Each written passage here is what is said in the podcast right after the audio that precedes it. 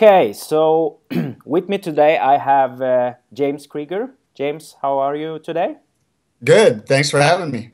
Thanks for uh, taking the time to do this uh, brief interview with me. Uh, before we start, could you give us a brief introduction about yourself, like your your background, uh, what you currently do, and how you got involved in the fitness industry?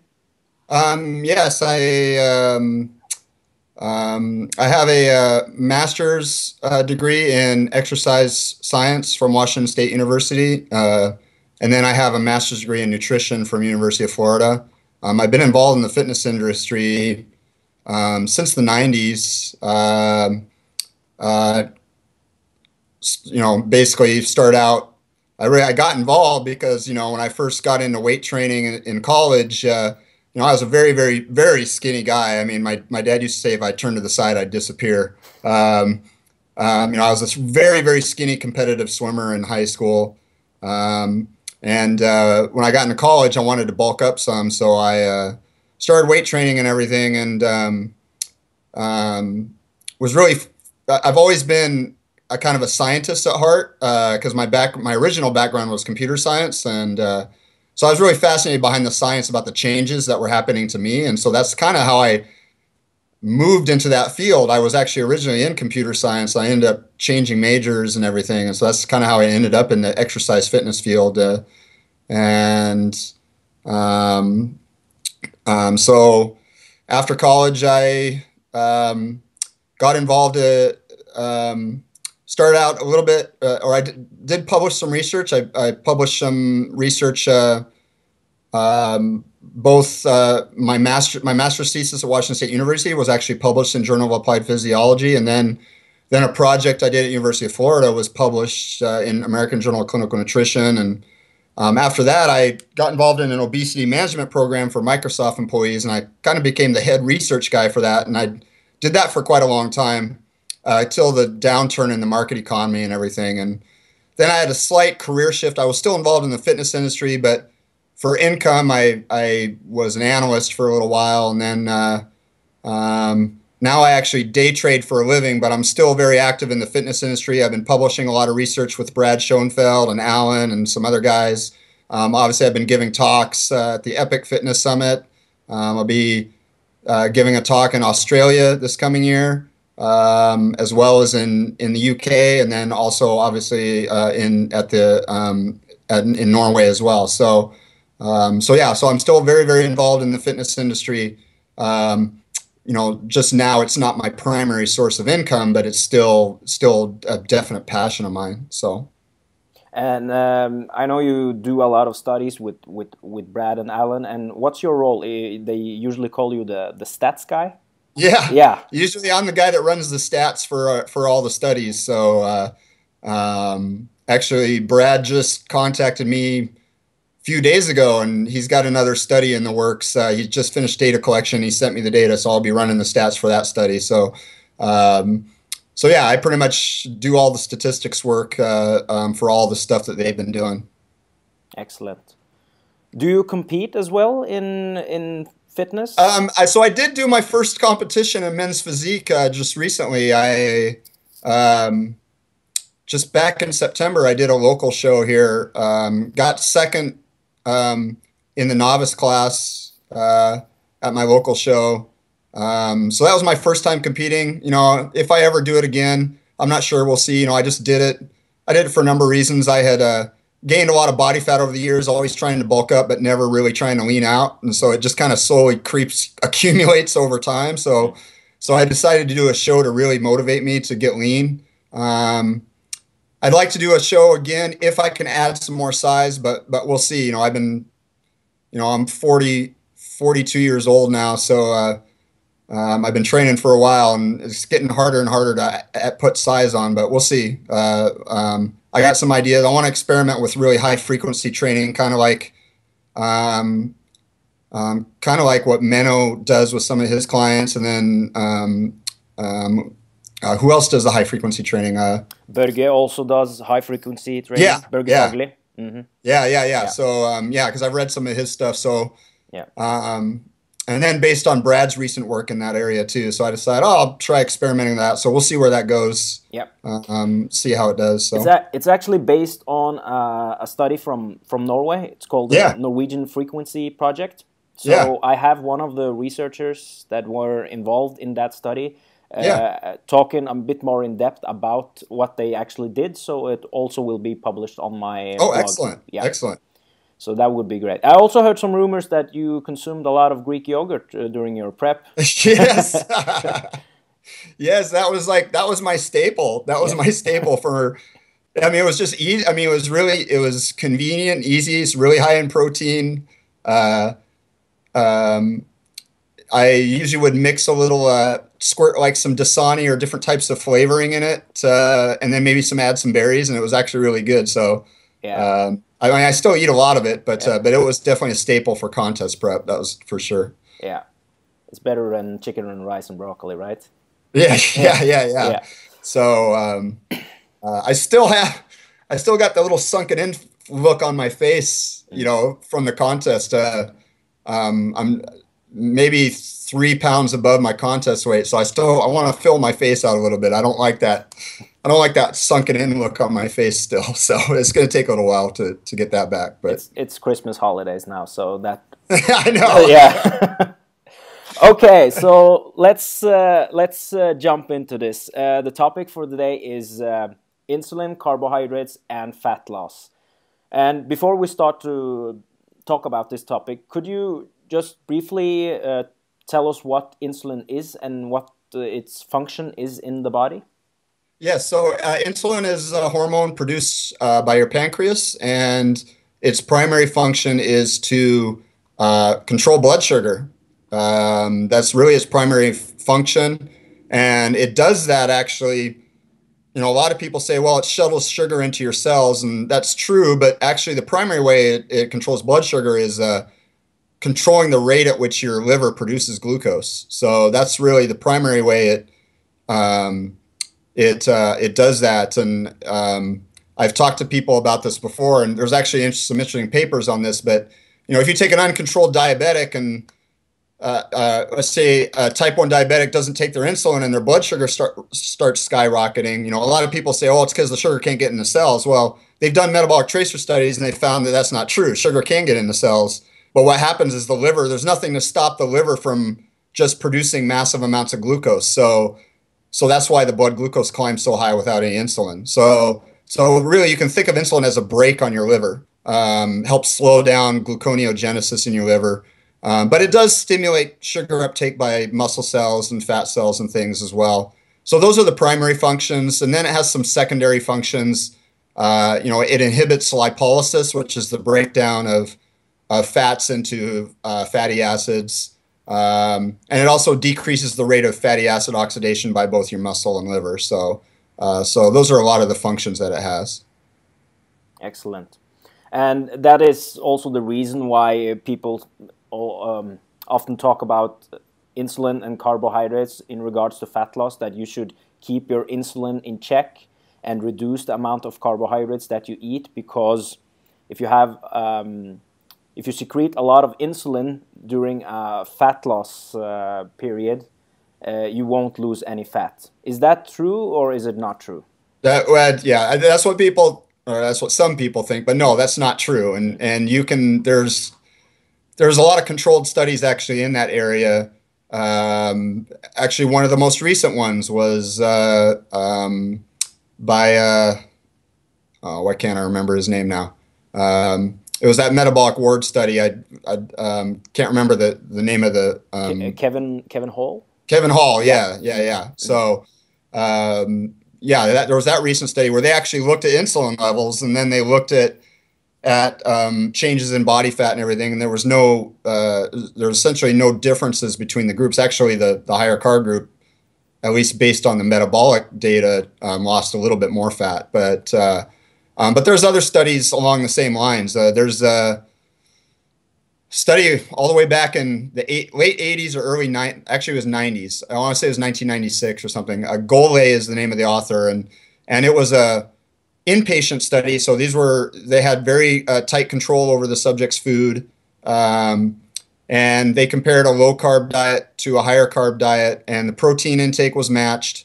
And they looked at insulin levels and they looked at fat loss.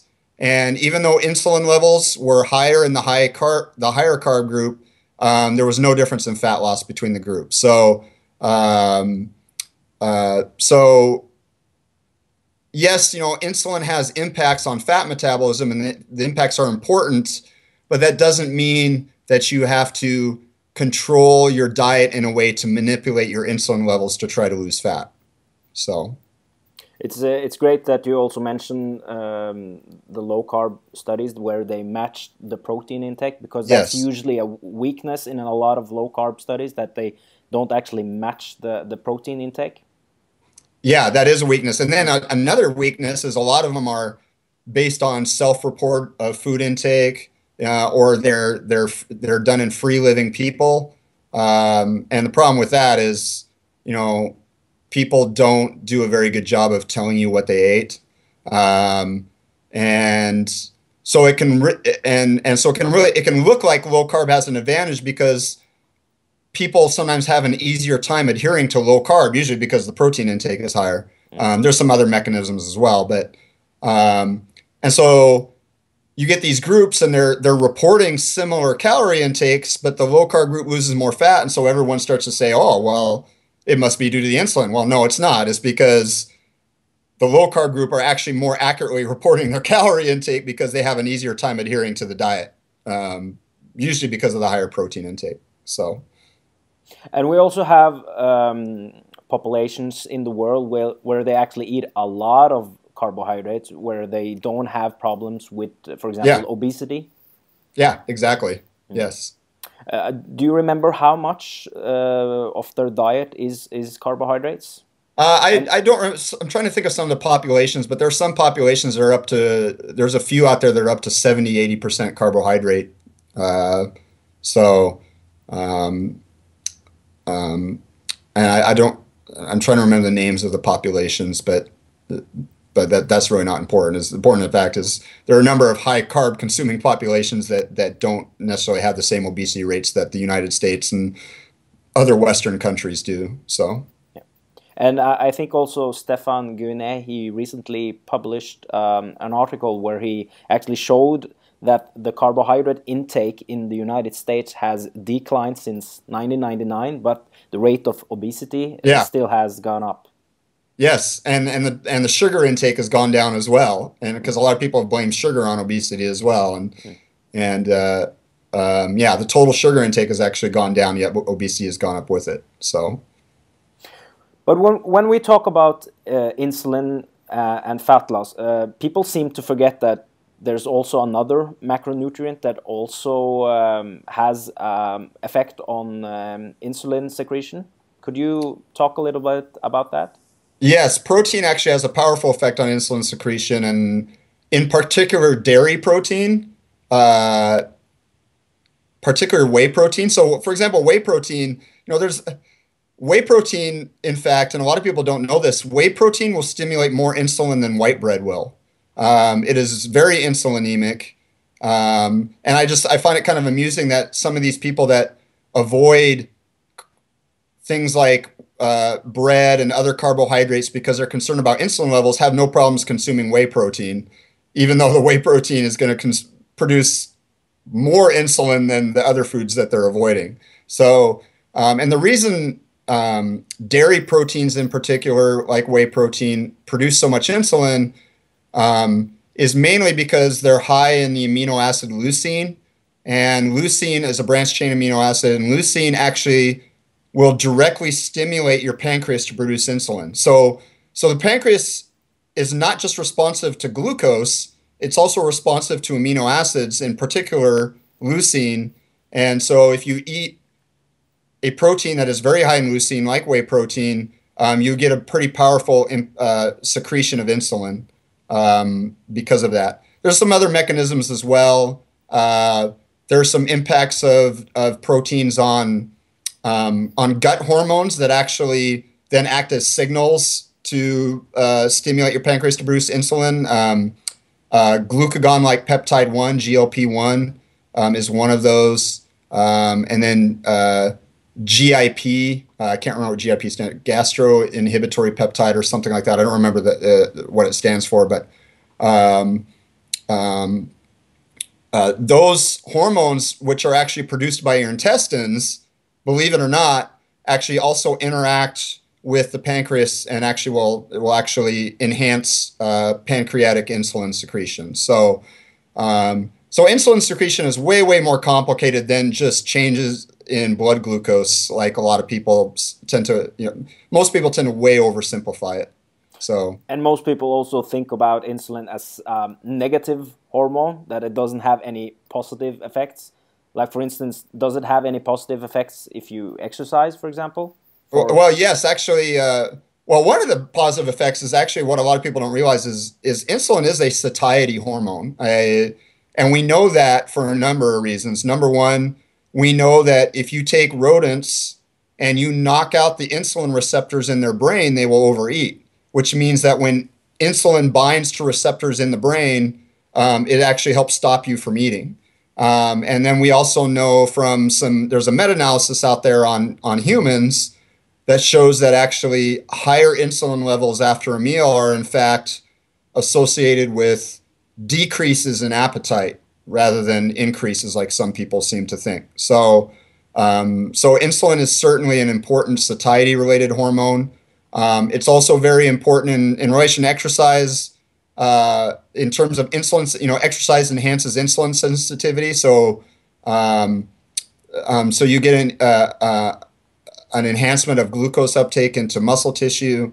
Um, uh, there's there's really a lot of positive impacts to insulin, um, and it's again it's not this hormone that that you somehow need to somehow manipulate or control through your diet. Uh, uh, I'd be willing to bet a lot of people would probably be surprised. These people that try to manipulate their insulin would probably be surprised, depending on what type of foods they're eating, um, uh, may have higher insulin levels than they think they do anyway. So. But during during the day, what happens with with uh, when you, for instance, when you eat a meal, you secrete insulin, especially yes. if if it has a lot of protein and a lot of carbohydrates, and then fat loss is inhibited, and that's where the theory comes from that if yeah. you eat foods that secrete a lot of insulin, you won't lose fat. But what happens during the day, like between meals? What happens then? Well, yeah, and that, that's what what hap- What really matters is what happens over 24 hours or over days, because um, yes, in, in, insulin inhibits um, the use of fat as a fuel. Um, but that's because insulin basically reflects that you're in a fed state. I mean, anytime you're eating food, your body has no reason to tap into its fat stores, right? So so insulin is just is just reflects that okay, I've been fed. Mm. Um, and so you get this inhibit, you know, it, it basically is a mechanism for your body to say, okay, well, we can inhibit breaking down fat and other things because we don't need the energy from those things. We've got it from our food right now. Well, you know, two, three hours after a meal, insulin levels come back down, and then um, uh, fat oxidation starts to increase, and and um, until you eat another meal again. Well, what really happens is what happens to the net fat balance over a 24 hour period. Because remember, you know, unless you're eating food all day long throughout the night, throughout the day, which you'd be overeating on calories anyway. I mean, we all go to sleep at night. And so all of us are having at least a six to eight hour fasting period in and of itself. Um, and so you have to add up what is the net impact over a 24 hour period and not what is just happening in those you know one to two hour time frames after meals. Excellent, and that's that's what um, that's what a lot of people don't don't get that the the balance through the day, like the energy balance, is what's gonna decide if you gain weight, maintain your weight, or lose your weight. Not what happens if you eat a meal with a lot of carbohydrates and secrete a lot of insulin.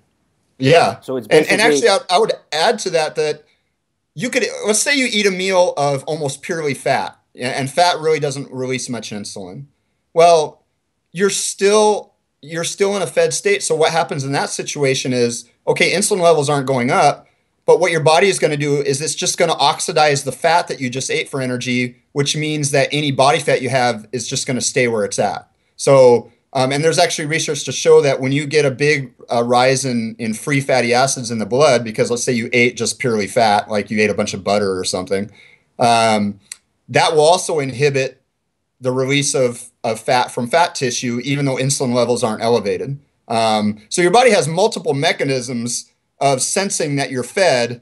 And I mean, it's, again, it's just it's because you just ate. It doesn't matter what was fat, protein, or carbohydrate. You just ate, and so your body has no reason to tap into its fat stores. And so that's why ultimately what matters is what happens over 20 your energy balance over a 24 hour period. Excellent.